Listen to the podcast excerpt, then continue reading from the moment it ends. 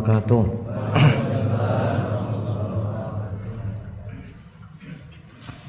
Alhamdulillahilladzi arsala rasulahu bil huda wa dinil haq liyuzhiru ala dini kulli wa kafa billahi syahida wa asyhadu an la ilaha illallah wahdahu la syarika la ikraran bi wa tauhidan wa asyhadu anna Muhammadan abdu wa rasuluh.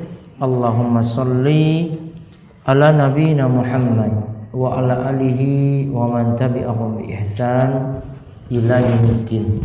Allahumma inna nas'aluka ilman nafi'a wa rizqan thayyiba wa amalan mutaqabbala Baik uh, para jamaah sekalian Bapak dan ibu-ibu yang mungkin-mungkin senantiasa dirahmati dan diberkahi Allah Subhanahu wa taala. Kita bersyukur pada Allah atas nikmat dan karunia yang telah Allah anugerahkan kepada kita sekalian sehingga di kesempatan malam hari ini kita kembali melanjutkan bahasan kita dalam majelis rutin ini membahas kitab Riyadhus Shalihin. Kita masih masuk pada bab kasratu turukil khair. Bayani kasrati turukil khair. Banyaknya jalan-jalan kebaikan. Pada kesempatan sebelumnya telah dibahas hadis yang keempat. Keempat sudah ya? 120 sampun? 121 belum. Baik kita lanjut dengan pembahasan hadis 121. Anhu yaitu an Abi Zar dari Abu Zar radhiyallahu anhu. Qal qala lin nabiyyu sallallahu alaihi wasallam. Nabi sallallahu alaihi wasallam berkata kepadaku,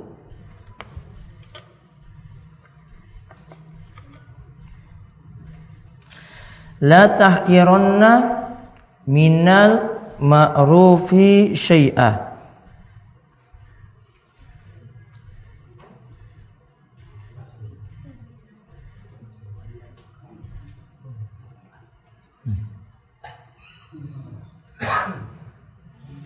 La tahkiranna minal ma'rufi syai'a Walau antalqa akhaka biwajhin talak Janganlah meremehkan kebaikan sedikit pun juga. Walaupun engkau menemui saudaramu dengan wajah yang tersenyum, dengan wajah yang berseri-seri. Hadis diriwayatkan oleh Imam Muslim. Rawahu Muslim.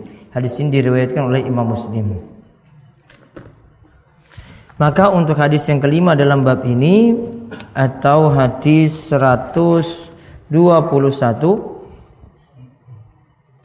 ini hadis ringkas yang merupakan kaidah umum nantinya sebelum nanti kita masuk juga di pembahasan hadis nomor 6 nantinya. Yang pertama, segala bentuk kebaikan segala ke bentuk kebaikan jangan diremehkan. Atau tidak boleh kita meremehkan.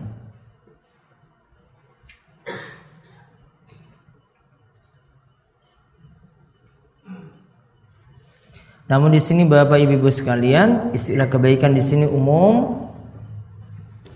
Ada kebaikan yang nantinya kita kenal karena didukung oleh kebiasaan kita dan ini yang kita pahami keseharian buat baik dalam hal misalnya sini yang disebut dengan uh, kita itu bermuka manis ya setiap orang senang dengan perbuatan itu. Ya dan ini yang kita praktekkan juga keseharian orang semua mengakuinya. Menolong orang yang dalam keadaan susah ini juga termasuk dalam bentuk kebaikan atau masuk dalam perbuatan ma'ruf. Namun kalau kaitannya kita membicarakan tentang masalah ibadah Bapak Ibu-ibu mesti memperhatikan ya tiga hal yang kaitannya dengan ibadah di sini. Yaitu disebutkan oleh Syekh Muhammad bin untuk memahami ibadah yang di mana kita mesti melihat dalilnya. Yang pertama, jika ibadah itu diperintahkan dengan dalil, maka berarti kita lakukan. Ya, jika ibadah itu diperintahkan dengan dalil, maka berarti kita lakukan. Yang kedua, jika ibadah itu dilarang untuk dilakukan, berarti tidak boleh kita lakukan.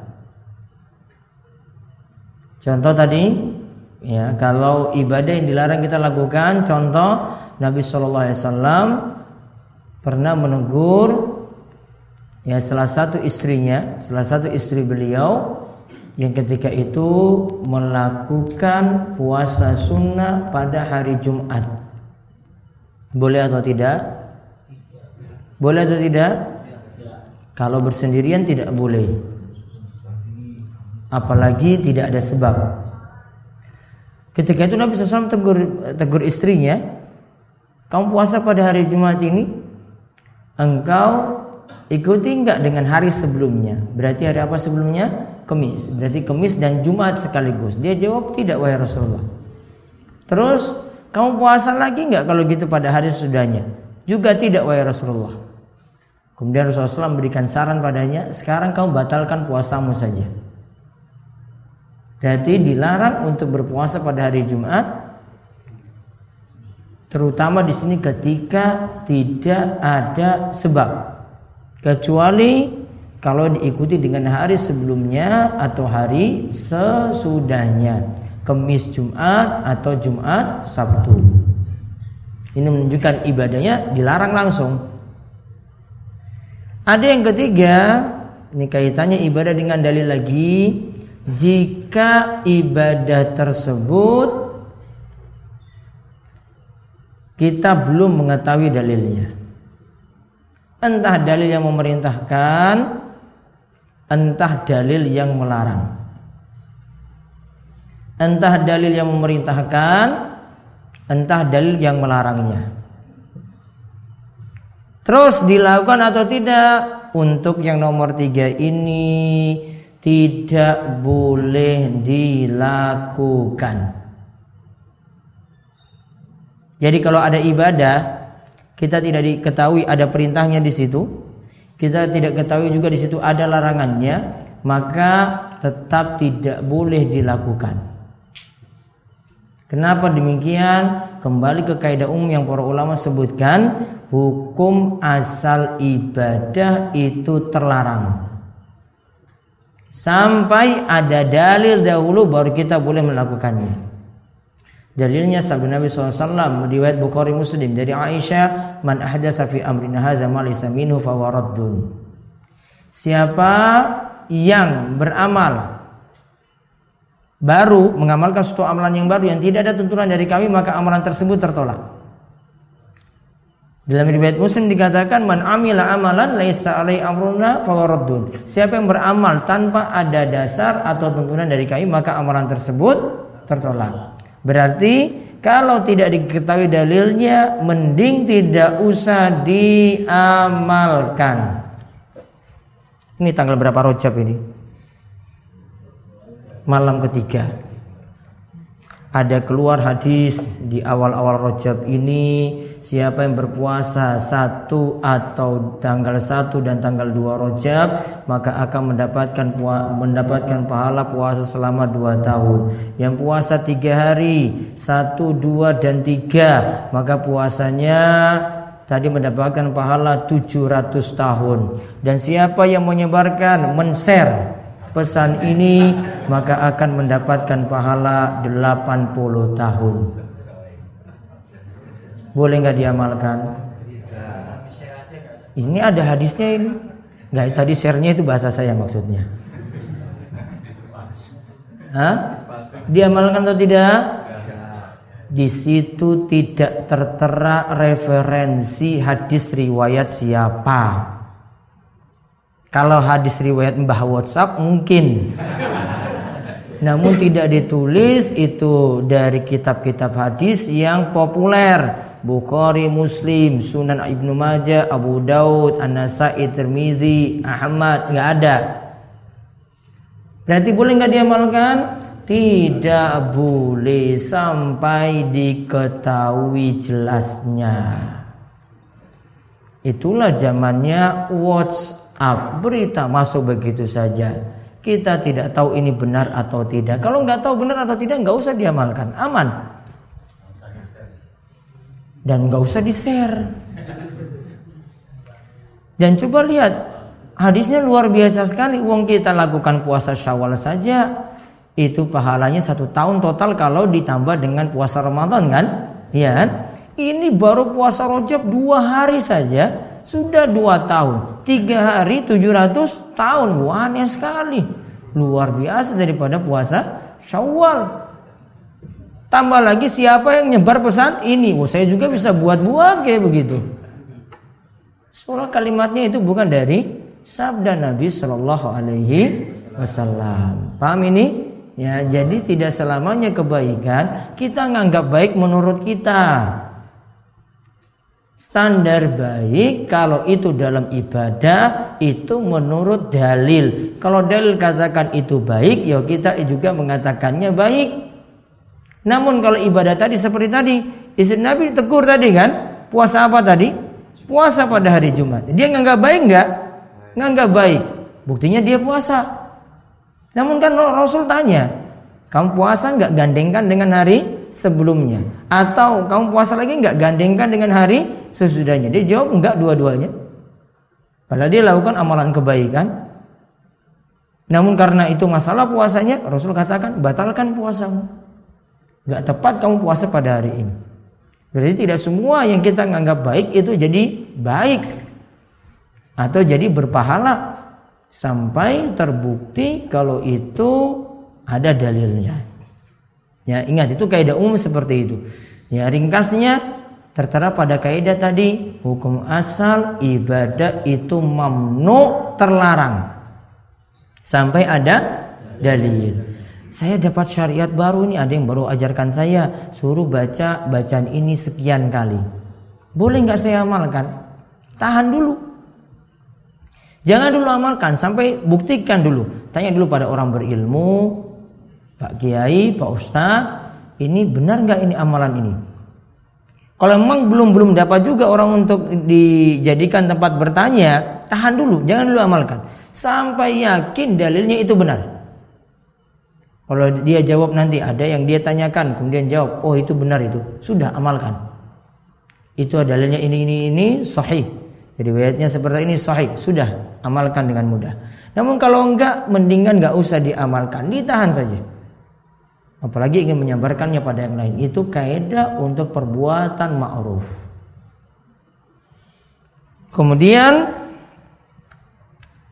dari hadis ini juga kita jadikan pelajaran dianjurkannya memberikan rasa gembira kepada orang muslim yang lainnya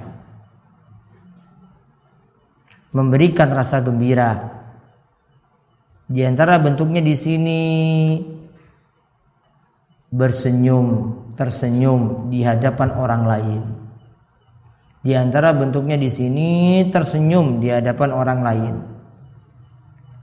Bantu orang juga ini lebih daripada itu. Ini lebih lagi berpahala. Memberi makan pada orang ini juga lebih daripada itu, lebih berpahala lagi. Ada yang haus, kita memberikan minuman, ini lebih berpahala lagi. Bukan sekedar senyum saja. Lebih daripada senyuman yang dia berikan ketika itu karena ini bentuk perbuatan ma'ruf yang lebih daripada sekedar tersenyum di hadapan orang lain. Intinya tadi yang pertama, kebaikan jangan diremehkan apa pun itu. Ya, bentuknya itu apa pun tidak boleh diremehkan. Termasuk di sini juga kalau kita itu pelajari ilmu, ngaji, dapat satu ilmu berusaha untuk diamalkan. Kita itu amalkan satu ilmu itu kalau ini bukan ilmu yang wajib mesti kita amalkan setiap waktu namun ini yang bisa kita lakukan sekali-sekali saja ya kita amalkan satu kali saja berarti sudah mengamalkan sunnah Nabi Shallallahu Alaihi Wasallam. Misalnya kemarin sudah kita bahas amalan itu sholat duha. Seumur hidup saya hanya sholat duha sekali saja. Sudah jalankan ajaran Nabi apa belum? Sudah. Ya. Artinya di sini dia tidak remehkan sunnah ini. Ah sudah saya lakukan sekali saja. Sudah dapatkan dia mendapatkan ajaran Nabi SAW tadi. Sudah mendapatkan pahala dari amalan sholat duha. Dia tidak remehkan ini. Apalagi kalau dia berusaha untuk merutinkan amalan tersebut. Intinya kalau sekali saja seperti itu, apalagi lebih daripada itu. Bukan hanya sekali dia jadikan rutinitas dalam hal ini. Nah sekarang kita lihat lagi hadis masih membicarakan tentang masalah perbuatan ma'ruf juga. Kali ini kita lihat hadis dari Abu Hurairah tentang masalah perintah sodako setiap hari dengan menggunakan anggota tubuh kita atau persendian kita. Dari Abu Hurairah radhiyallahu anhu, qol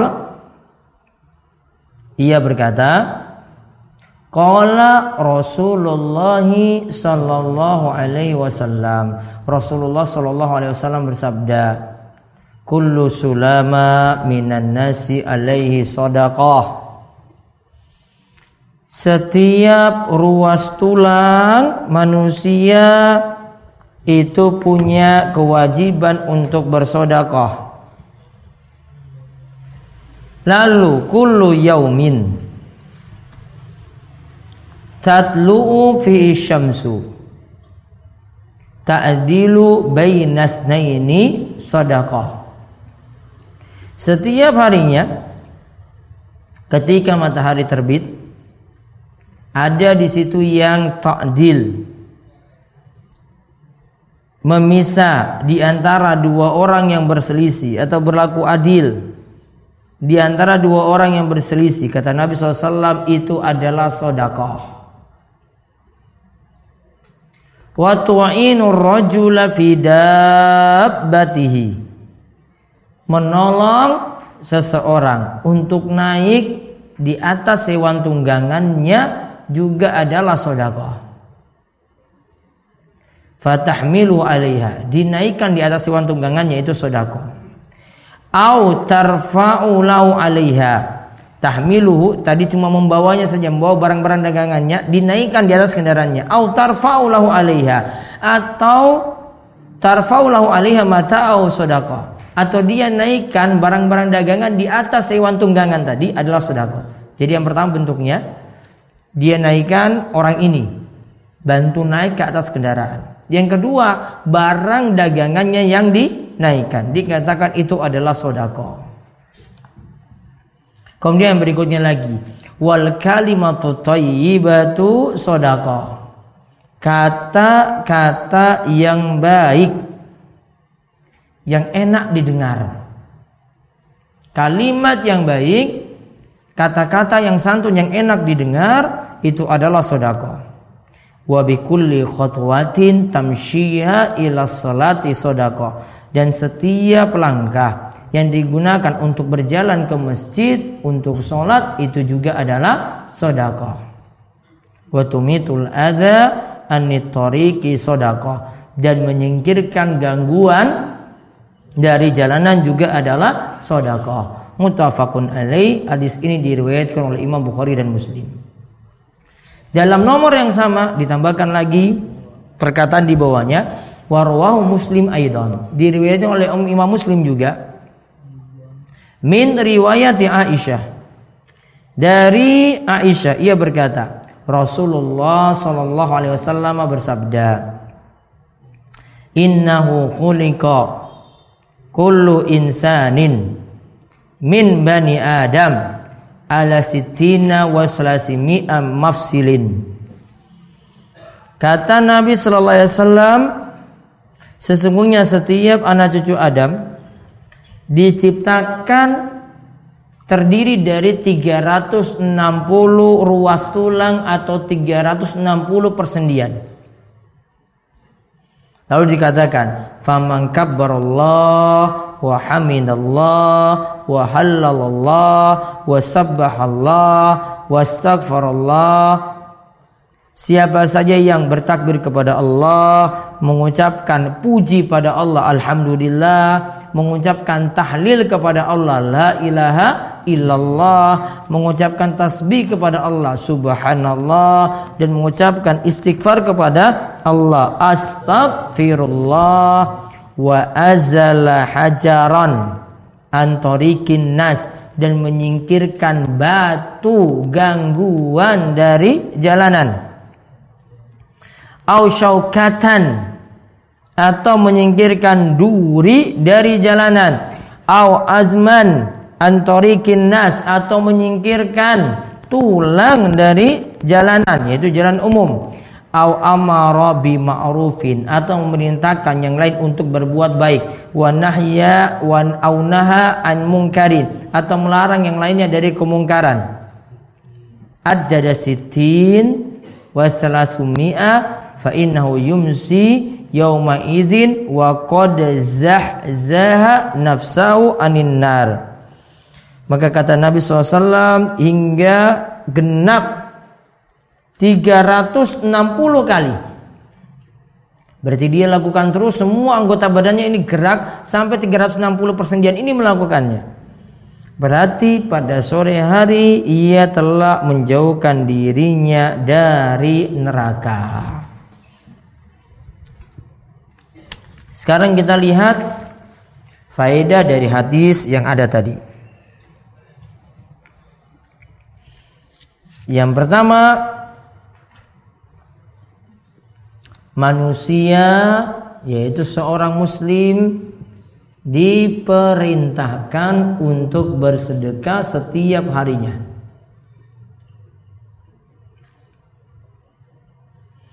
Setiap mukmin atau setiap muslim diperintahkan untuk bersedekah setiap harinya.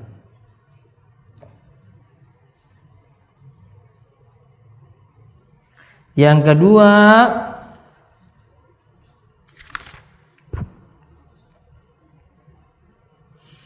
tadi disebutkan di sini macam-macam bentuk sedekah berarti. Dan kalau kita lihat sedekah di sini segala bentuk perbuatan ma'ruf berarti segala bentuk perbuatan baik maka faedah yang kedua segala bentuk perbuatan ma'ruf atau kebaikan adalah sodako setiap segala bentuk perbuatan ma'ruf atau kebaikan adalah sodako Sebagaimana sabda Nabi SAW, wa kullu ma'rufin sodako. Setiap perbuatan baik itu adalah sodako.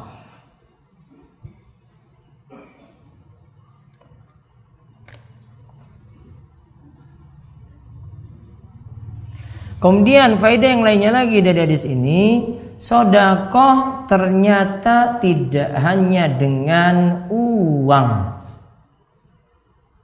Sodako ternyata tidak hanya dengan uang.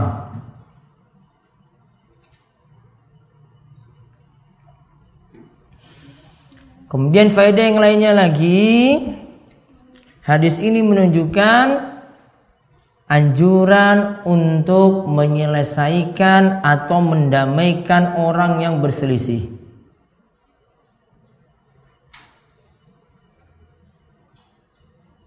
untuk menyelesaikan atau mendamaikan orang yang berselisih. Dan sini Bapak Ibu sekalian, kalau ada yang berselisih bukan kita tambah membuat suasananya jadi keruh, jadi bertengkar terus bukan, namun berusaha untuk memberikan solusi. Dan yang lebih baik adalah kalau ini dalam masalah hubungan, kita satukan hubungan tadi lagi, tidak membuat malah orang itu terpecah atau hubungannya jadi terputus. Contoh misalnya kalau ada yang ingin masalah rumah tangganya, ingin agar solusinya ah, saya ingin cerai saja. Solusi yang baik kalau ada yang dimintai nasihat di situ adalah dia sarankan untuk mempertahankan yang ada kalau bisa dipertahankan. Karena ingat kaidah yang biasa disebutkan oleh para ulama al istimroru aula minal ibtida lanjut itu lebih afdol, lebih baik daripada memulai lagi dari awal. Lanjut itu lebih baik, lebih utama daripada memulai lagi dari awal. Kaidah ini penyebutan kaidah ini di antaranya disebut oleh Syekh Muhammad bin Shalih Namun sebenarnya kalimat ini berdasarkan dalil-dalil juga. Contoh berdasarkan dalilnya, coba bawa bapak kalau masuk masjid sudah ikoma, boleh sholat sunnah enggak? Memulai sholat sunnah boleh enggak? Tidak boleh. Namun kalau kita lagi tahiyat akhir, sudah tahiyat akhir sholat sunnah tadi, terus ikoma, lanjut enggak? Lanjut. Berarti lanjut dalam kondisi ini lebih baik daripada apa tadi? Yang pertama saya mulai dari awal lagi. Saya mau mulai sholat dari awal lagi? Nggak bisa. Namun kalau kita cuma melanjutkan saja lebih gampang lebih mudah. Itu yang dimaksud di antara kaidahnya atau penyimpulan dalilnya. Kemudian ya, faedah yang lainnya lagi Hadis ini menunjukkan keutamaan membantu orang lain. Apa bentuknya di sini? Bantu orang untuk menaikkannya di atas kendaraannya atau membantu menaikkan barang-barangnya. Secara umum berarti ini adalah bentuk kebaikan dalam menolong orang. Dan ini yang dilihat langsung dia bantu di situ. Dan secara umum membantu orang lain dalam bentuk apa pun, dalam hal dia lihat ada yang sakit dia tolong, Mungkin dia bantu untuk pengobatannya atau dia bantu untuk mengantarnya. Ini adalah bagian dari sodakoh pula. Termasuk pula kalau ada yang butuh bantuan uang. Terus kita memberikan pinjaman atau sekedar membantu saja tanpa meminta untuk dikembalikan uangnya tadi. Dua cara berarti ya.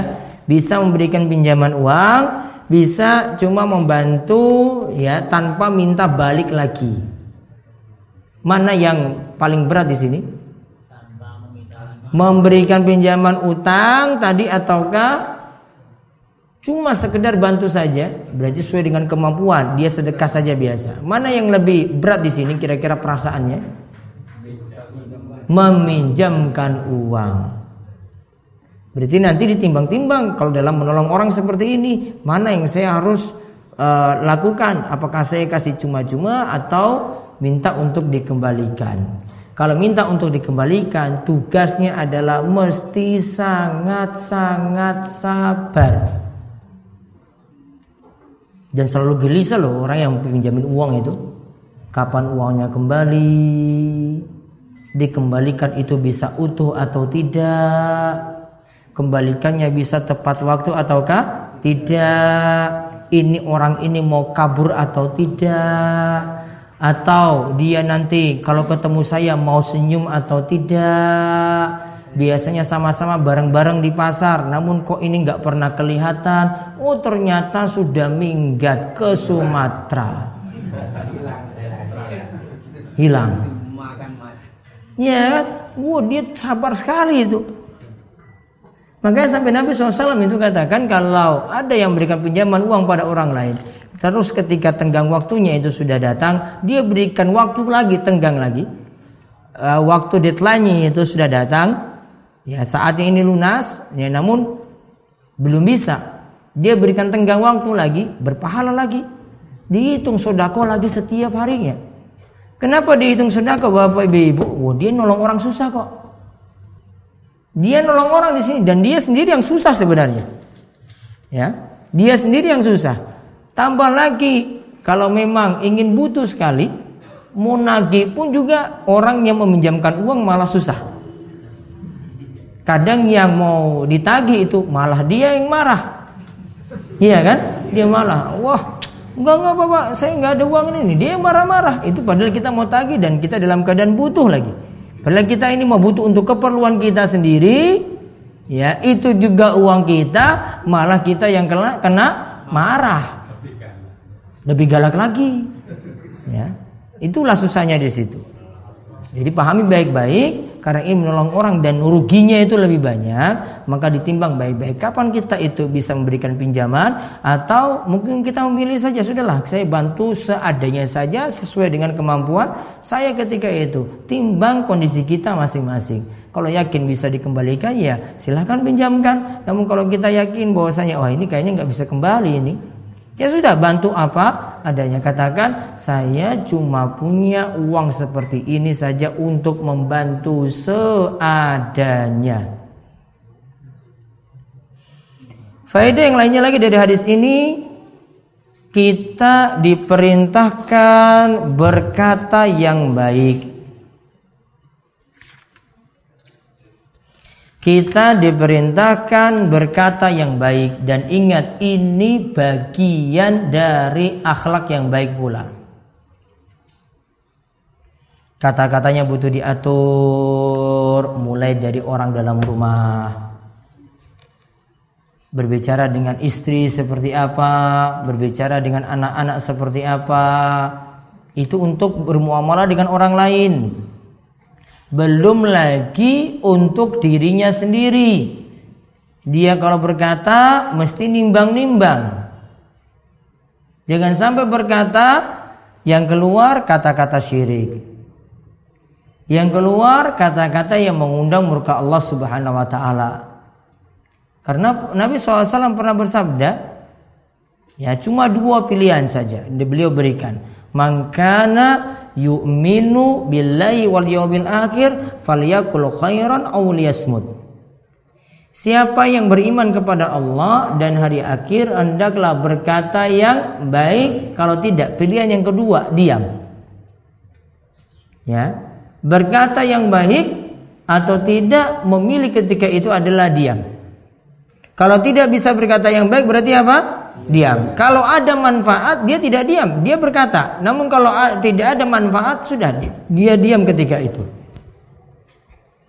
Ini untuk masalah bagaimana kita mengatur kata-kata, ya mengatur waktu untuk zikir, ngatur waktu untuk membaca Al-Quran, ngatur waktu untuk menasihati orang lain, dan seterusnya. Dan jika itu kalimat yang baik, itu bernilai sodakoh. Faedah yang lainnya lagi, hadis ini menunjukkan keutamaan berjalan untuk menunaikan sholat berjamaah. Berjalan untuk menunaikan sholat berjamaah wa bikulli khatwatin tamshiha ila salat sadaqah. Berjalan ke masjid untuk sholat dinilai sedekah dan di sini bapak ketika ingin pergi sholat berjamaah dahulukan dahulu masjid yang paling dekat agar bisa bersosialisasi bergaul dengan orang-orang yang ada di sekitar kita terlebih dahulu walaupun masyarakatnya sulit untuk diubah. Daripada milih masjid yang jauh. Wah saya mau sholat di imo kiri ini apa neng panggang? Milih yang mana? Milih yang paling dekat dulu. Kenapa? Sosialisasi kita di situ keseharian kita juga di di situ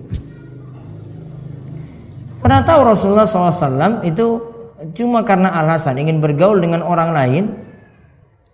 Beliau juga ingin bergaul dengan teman-temannya yang masih muda-muda. Teman-temannya masih muda-muda ini sebelum Nabi SAW diutus menjadi seorang Nabi. Ketika itu biasa nonton hiburan malam. Maka Nabi SAW ingin juga seperti itu. Biar apa? Mudah sosialisasi. Dan ingat keinginan Nabi SAW untuk menghadiri hiburan malam ini cuma dalam dua waktu saja. Namun semuanya tidak terwujud. Karena Allah Subhanahu wa taala menutup telinga beliau dan membuat beliau tertidur sampai pagi. Ya, tertidur sampai pagi, sampai hiburan malam tadi tidak didengar oleh Nabi Shallallahu Alaihi Wasallam. Demi juga menjaga Nabi SAW. Pelajaran pentingnya di sini para ulama sebutkan itu bukti Nabi SAW bersosialisasi. Andai Allah memilih Nabi SAW tidak punya keinginan itu sama sekali itu bisa. Namun Allah membuat sebab. Nabi tetap disuruh bergaul dengan orang-orang. Di antaranya apa tujuannya? Biar bisa mewarnai yang lainnya. Kalau beliau bisa mewarnai bisa nasihat yang ini, nasihat yang itu bisa. Ya. Maka pentingnya di sini berjamaah juga dahulukan dengan masjid-masjid yang terdekat dengan kita. Walaupun mungkin ada masjid yang lebih mendekati ajaran Nabi SAW di tempat yang lebih jauh. Pentingnya bersosialisasi situ, bergaul di situ. Karena kalau kita datang situ, dia mungkin lihat ini sholatnya kok beda. Lama-lama bertanya, dari perbuatan saja kita sudah bisa berdakwah pada orang lain. Kok bar subuh nunggu diam di situ, kok baca zikir, baca Quran atau dia baca buku, nunggu sampai matahari meninggi. Orang-orang tanya lagi nih, wah ini amalan apa lagi ini? Amalan baru dijelaskan. Kalau bisa jelaskan, jelaskan. Saya mau menunggu melaksanakan sholat apa? Isyraq. Pahalanya hajan wa umrotan tamatan tamatan. Pahalanya haji dan umroh yang sempurna, sempurna dan sempurna. Orang yang belum tahu, masyarakat yang belum tahu jadi tahu. Dikarenakan kita mau bersosialisasi. Ini nggak perlu ngomong ceramah loh ini. Ya, cuma apa? Perbuatan saja.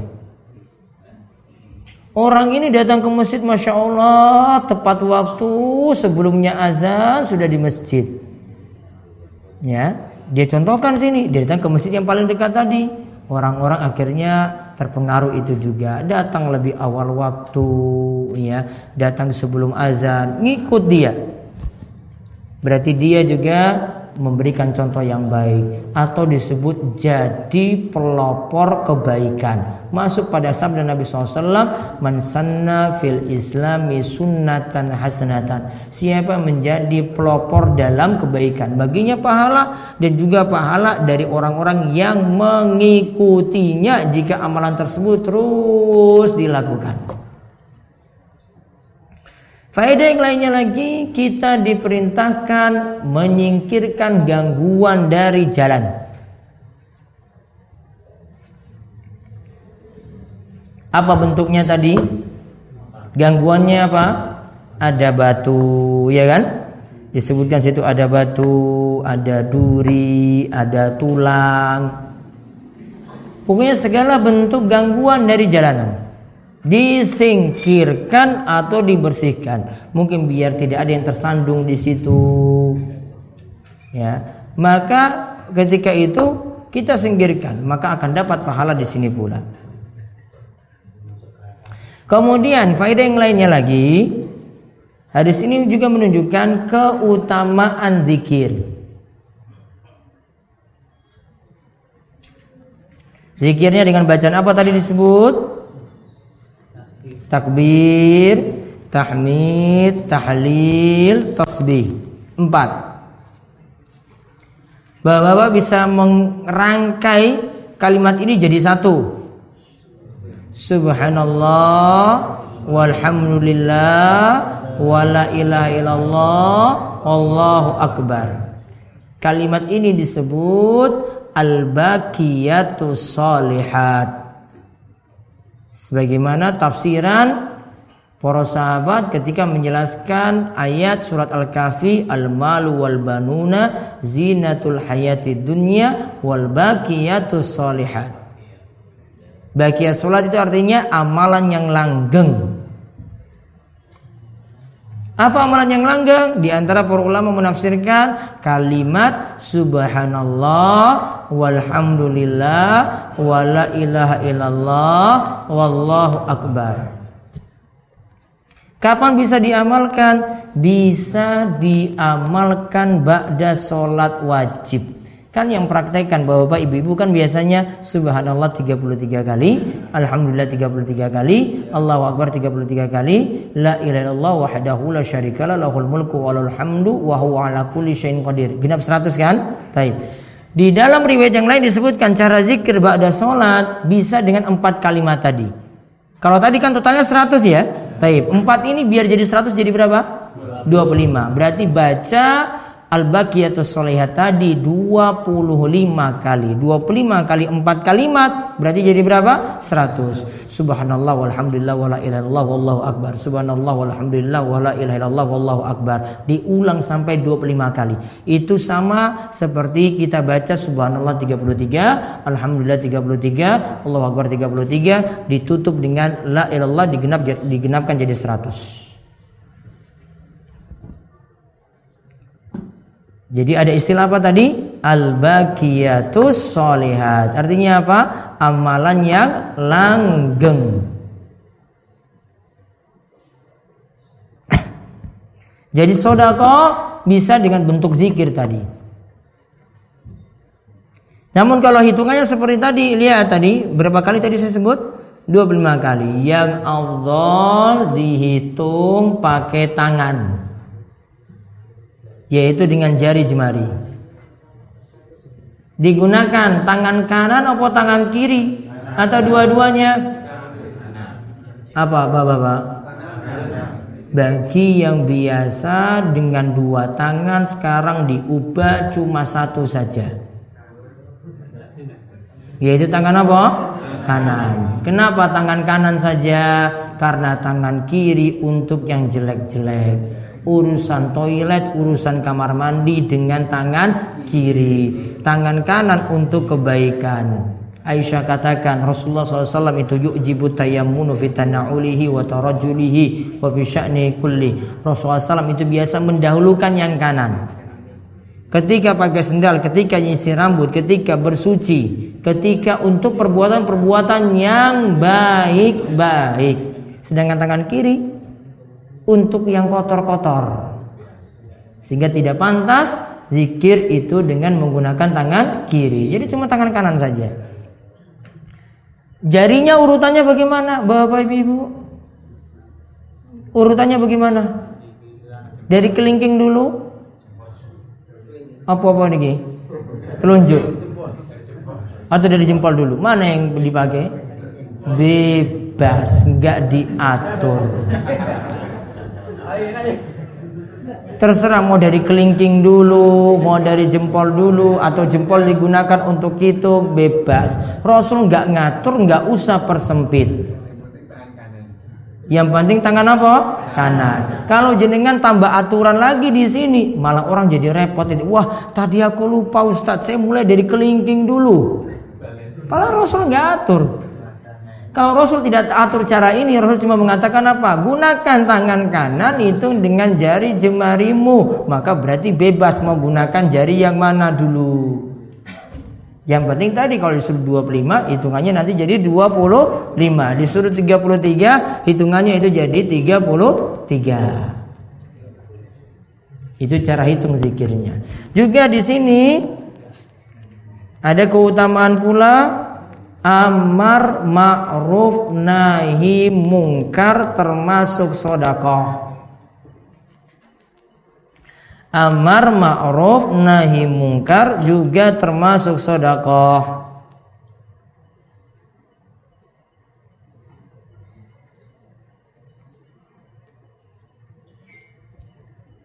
Amar ma'ruf nahi mungkar itu bentuknya bisa jadi dengan hati Kemungkaran itu diingkari bisa jadi dengan omongan, lisan, bisa jadi dengan kekuasaan kalau punya kekuatan bisa dia ingkari dengan tangannya.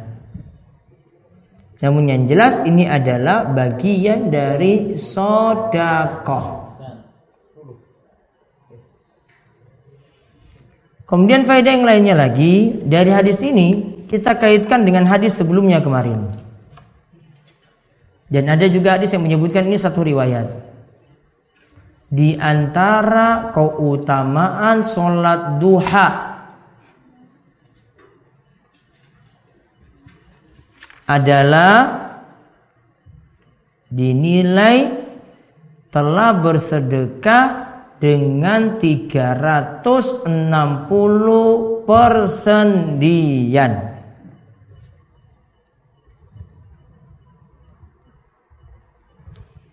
Telah bersedekah dengan apa?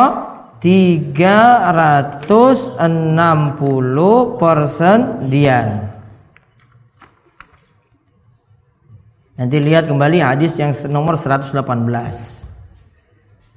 Karena disebutkan setiap paginya itu diperintahkan untuk sodakoh. Ditutup dengan semuanya itu bisa dicukupkan dengan sholat duha. Ya kan? Sedangkan kita disuruh sodako 360 persendian. 360 persendian ini kita disuruh sodako. Berarti kalau kita lakukan tadi sholat duha saja nilainya sama seperti sodako dengan 360 persendian. Berarti Kenapa di sini disebut 360 persendian? Cuma sholat dua saja, minimal dua rakaat di sini. Dikarenakan kalau orang sholat dua, semua anggota tubuhnya gerak. Matanya nanti bersodako karena memandang ke bawah ke tempat sholatnya. Tangannya juga bergerak ya, berarti tangannya sudah sodako. Kakinya juga bergerak ketika itu jadi tumpuan. Lututnya juga bergerak ketika itu Sikunya juga bergerak ketika itu. Lehernya juga bergerak ketika itu. Ya kan? Seluruh anggota itu nanti akan bergerak. Termasuk juga dia baca zikir berarti lisannya juga bergerak. Berarti semua 360 persendian itu bergerak saat itu. Maka sudah mencukupi dan itu nilainya sama seperti bersodakoh dengan 360 persendian. Terus tadi disuruh setiap hari sodakoh. Faedah yang berikutnya karena setiap hari disuruh sodako dan sodako itu boleh diganti sholat duha maka sholat duha boleh dilakukan setiap hari. Ini jadi dalil sholat duha boleh dilakukan setiap hari. Sedangkan sebagian ulama tidak menyetujui hal ini. Namun yang tepat Sholat duha boleh diulang setiap hari. Karena apa? Setiap hari disuruh sedekah kan? Ya, boleh dicukupkan sedekah tadi dengan sholat apa? Duha. Berarti setiap hari kita boleh sholat dua karena setiap hari disuruh sedekah.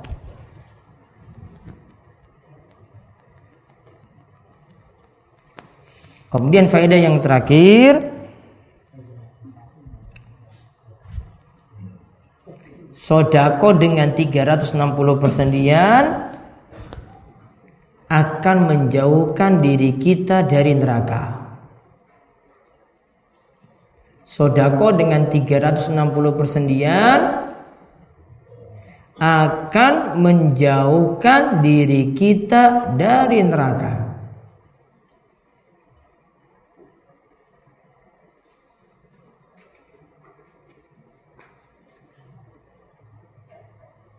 Sudah sampai di situ pembahasan kita untuk malam hari ini. Wallahu a'lam bishawab.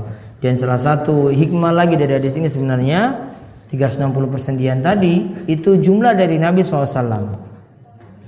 Beliau ucapkan ketika menyebutkan hadis ini dan hasil dari penelitian kedokteran pula tubuh kita punya 360 persendian juga sama. Padahal Nabi SAW tidak mempelajari khusus ilmu kedokteran namun hasilnya sama dan menunjukkan kenubuahan kenabian Nabi SAW dengan sabda beliau tadi. Wallahu a'lam. Baik, ada yang tanya langsung? Jangan pakai mic. Pak, tanya mic.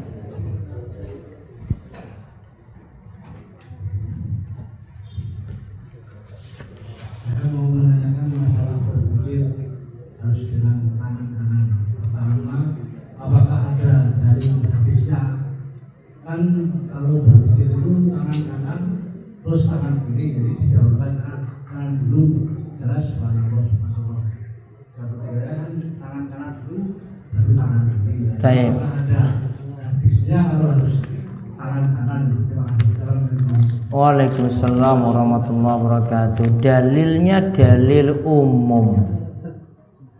Sebagaimana kalau kita makan itu nggak pakai dua tangan.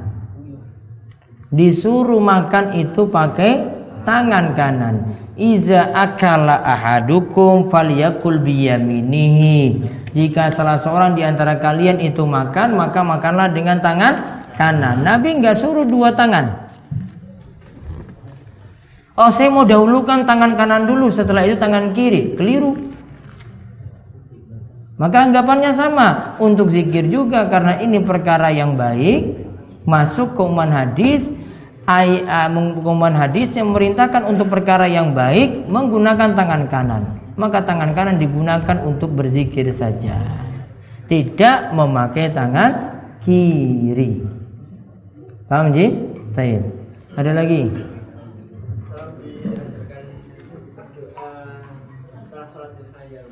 Doa setelah sholat duha diriwayatkan oleh Imam Bukhari dalam Al-Adabul Mufrad.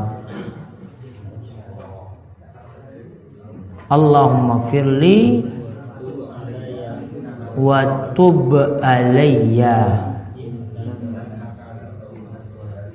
innaka antat tawwabur rahim.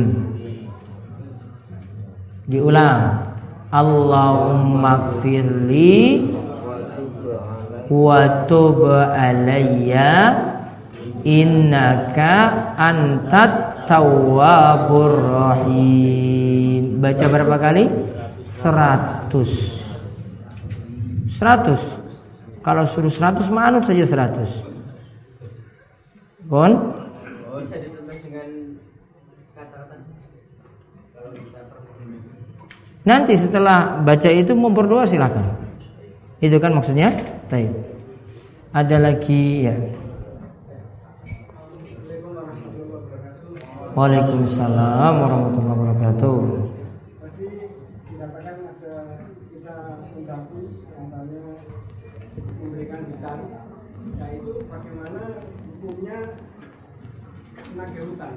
Bagaimana hukumnya menagih utang? Wajib. Demi menyelamatkan orang yang minjam. Walaupun disakiti.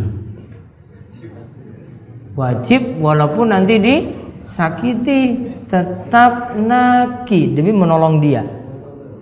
Karena dia sebenarnya yang susah. Susahnya nanti di akhirat dia kalau tidak ditagih-tagih kan dia lupa lupa lupa. Nanti ya dari amal-amalan kebaikannya digunakan untuk melunasi utang loh itu. Apa kita nggak kasihan dengan saudara kita? Kasihan. Maka ketika itu diingatkan. Walaupun nanti kita yang susah sendiri namun tetap diingatkan. Walaupun juga sakit di hati.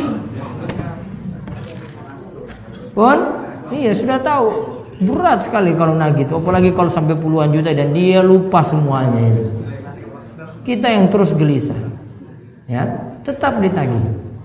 Ini mudah-mudahan jadi pelajaran kalau ingin meminjamkan uang itu lihat-lihat orang dulu dan kita benar-benar pakai pertimbangan. Kita nggak bantu dia, kita nggak kena dosa. Apalagi tahu dia itu nggak amanat. Kita nggak bantu orang yang tidak amanat, kita tidak kena dosa. Kan kita melakukan sesuatu yang dianjurkan saja. Kalau saya nggak mau gimana? Wong saya butuh uang ini juga. Kita nggak kena dosa. Daripada kita nanti ujung-ujungnya juga kena dosa lagi dikarenakan nggak sabar untuk ini. Paham ya? Baik, ada lagi? Assalamualaikum warahmatullahi wabarakatuh. Waalaikumsalam warahmatullahi wabarakatuh. Saat ketika salat berjamaah di masjid, saya sering melihat orang yang melakukan takbiratul ihram dengan tangannya seputar seperti ini.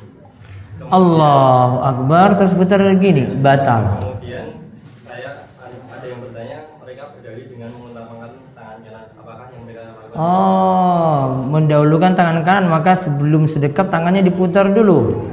Batal sholatnya.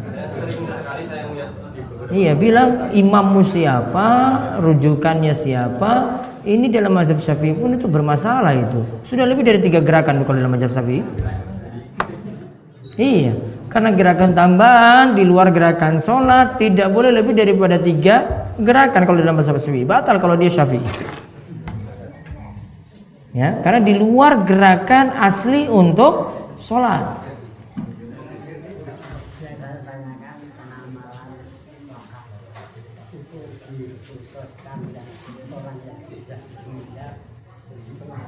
Wakaf itu untuk orang yang telah meninggal dunia.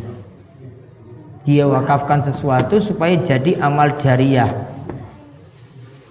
Namun dilakukan bisa ketika orang itu masih hidup. Namun dia niatkan untuk wakaf. Wakaf sebenarnya bukan untuk orang mati saja, untuk orang hidup juga dengan niatan ini jadi amal jariah atau sodako jariah. Boleh. Ada lagi? Baik, lewat kertas. Bolehkah bagi akhwat menawarkan diri agar dinikahi laki-laki soleh? Boleh atau tidak? Boleh atau tidak bapak-bapak? Ada akhwat yang menawarkan diri. Boleh. Namun dalam masalah untuk keputusannya nanti walinya yang putuskan bukan dia maka amannya walinya yang menawarkan kepada laki-laki bukan akhwatnya. Biasanya kalau menawarkan seperti ini cuma terjadi kepada orang yang sudah pernah menikah bukan kepada gadis. Karena gadis punya sifat yang sangat-sangat malu sekali Bolehkah menggunakan musik islami dalam acara pernikahan Atau menyalakan musik islami sebelum kajian untuk menarik jamaah Baiknya tidak dilakukan saya seorang alumni di salah satu perguruan tinggi negeri di Jogja yang baru lulus bulan Februari kemarin. Saya diminta oleh dosen saya untuk mengikuti lomba karya ilmiah di mana biaya pendaftaran seluruhnya ditanggung oleh pihak fakultas. Apakah saya berdosa apabila mengikuti lomba tersebut masih dibolehkan? Bekerja di lembaga riba sebagai cleaning service. Kalau masih bekerja di situ cuma ada dua kemungkinan. Pertama, dia ridho dengan perbuatan yang terjadi di situ. Yang kedua, dia cuma bersih-bersih saja tidak ridho. Kemungkinan pertama paling besar karena dia itu ridho dengan perbuatan yang terjadi di kantor tersebut sehingga dia kerja di tempat tadi ya. Maka saya sarankan tidak bekerja di situ. Wallahu alam. Lebih baik sholat di musola depan rumah tetapi kurang tepat waktu atau di masjid yang jaraknya 150 meter dari rumah dengan tepat waktu. Dilihat. Musolanya ini apa yang dimaksud? Kalau musolanya di sini yang dimaksud cuma musola rumahan bukan untuk narik jamaah umum dan itu tidak ada sholat lima waktu memanggilnya lewat mic cuma sekedar sholat saya di situ baiknya tidak. Cari masjid yang rutin sholat berjamaah. Maka dicari yang paling dekat masjidnya lebih afdal kita sholat subuh jamaah. Terus imam membaca kunut. Angkat tangan. Maka sikap makmum harus ikuti angkat tangan dan aminkan atau bagaimana bisa memilih salah satu pendapat berikut. Bisa dia memilih tidak angkat tangan sama sekali. Berarti tidak mengaminkan juga karena dia punya prinsip saya tidak setuju dengan kunut ini. Atau bisa memilih pendapat yang kedua walaupun tidak setuju tetap angkat tangan atau mengaminkan. Tetap mengangkat tangan dan mengaminkan. Kalau pendapat yang kedua ini lebih tidak mengundang konflik dengan kanan kiri dan dianggap nanti kita tetap bersatu walaupun punya perbedaan seperti ini. Dan Imam Ahmad ketika ditanya tentang masalah ini juga dia jawab sama, tetap mengangkat tangan dan juga tetap mengaminkannya.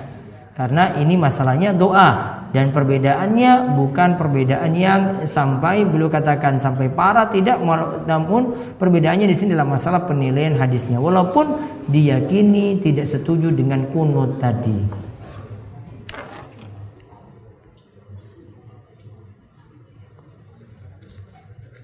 Pertanyaan terakhir. Mohon penjelasan tentang kondisi habis junub. Tidak boleh memasukkan mayat di liang lahat. Kemudian dalam kondisi junub untuk makan minum harus suci dulu.